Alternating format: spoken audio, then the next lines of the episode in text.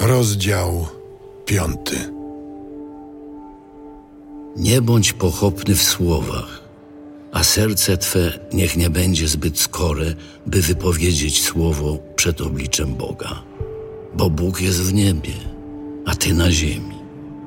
Przeto niech słów Twoich będzie niewiele, bo z wielości zajęć przychodzą sny, a mowa głupia z wielości słów.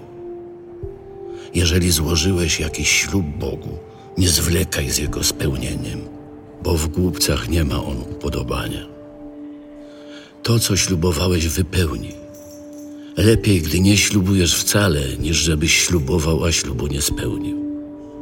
Nie dopuść do tego, by usta Twe doprowadziły Cię do grzechu i nie mów przed posłańcem Bożym, że stało się to przez nieuwagę, żeby się Bóg nie rozgniewał na Twoje słowa i nie uczynił daremnym dzieła Twoich rąk. Bo z wielości snów i marności mnożą się słowa. Boga się przeto bój. Gdy widzisz ucisk biednego oraz pogwałcenie prawa i sprawiedliwości w kraju, nie dziw się temu, bo nad wysokim czuwa wyższy, a jeszcze wyżsi nad oboma.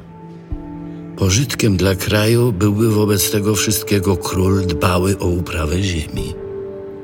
Kto kocha się w pieniądzach, pieniądzem się nie nasyci, a kto się kocha w zasobach, ten nie ma z nich pożytku. To również jest marność. Gdy dobra się mnożą, mnożą się ich zjadacze. Jakiż pożytek ma z nich właściciel, poza tym, że nimi napawa oczy? Słodki jest sen robotnika, czy mało, czy dużo on zje. Lecz bogacz, mimo swej sytości, nie ma spokojnego snu. Istnieje bolesna niedola. Widziałem ją pod słońcem. Bogactwo przechowywane na szkodę właściciela. Bogactwo to bowiem przepada na skutek jakiegoś nieszczęścia. A gdy urodzi się syn, nie ma już nic w jego ręku. Jak wyszedł z łona swej matki, tak nagi powróci, jak przyszedł.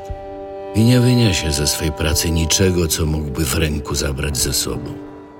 Bo również i to jest bolesną niedolą, że tak odejdzie, jak przyszedł. Jaki pożytek dla niego, że trudził się na próżno.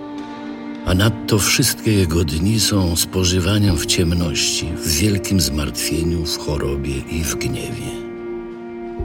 Oto, co uznałem za dobre – że piękną jest rzeczą jeść i pić i szczęścia zażywać w pracy, którą się człowiek trudzi pod słońcem według liczby dni jego życia, których mu Bóg użyczył, bo to tylko jest mu dane. Dla każdego też człowieka, któremu Bóg daje bogactwo i skarby i któremu pozwala z nich korzystać, wziąć swoją część i cieszyć się swoim trudem. To Bożym jest darem. Taki nie myśli wiele o dniach swego życia, gdyż Bóg go utrzymuje w radości serca.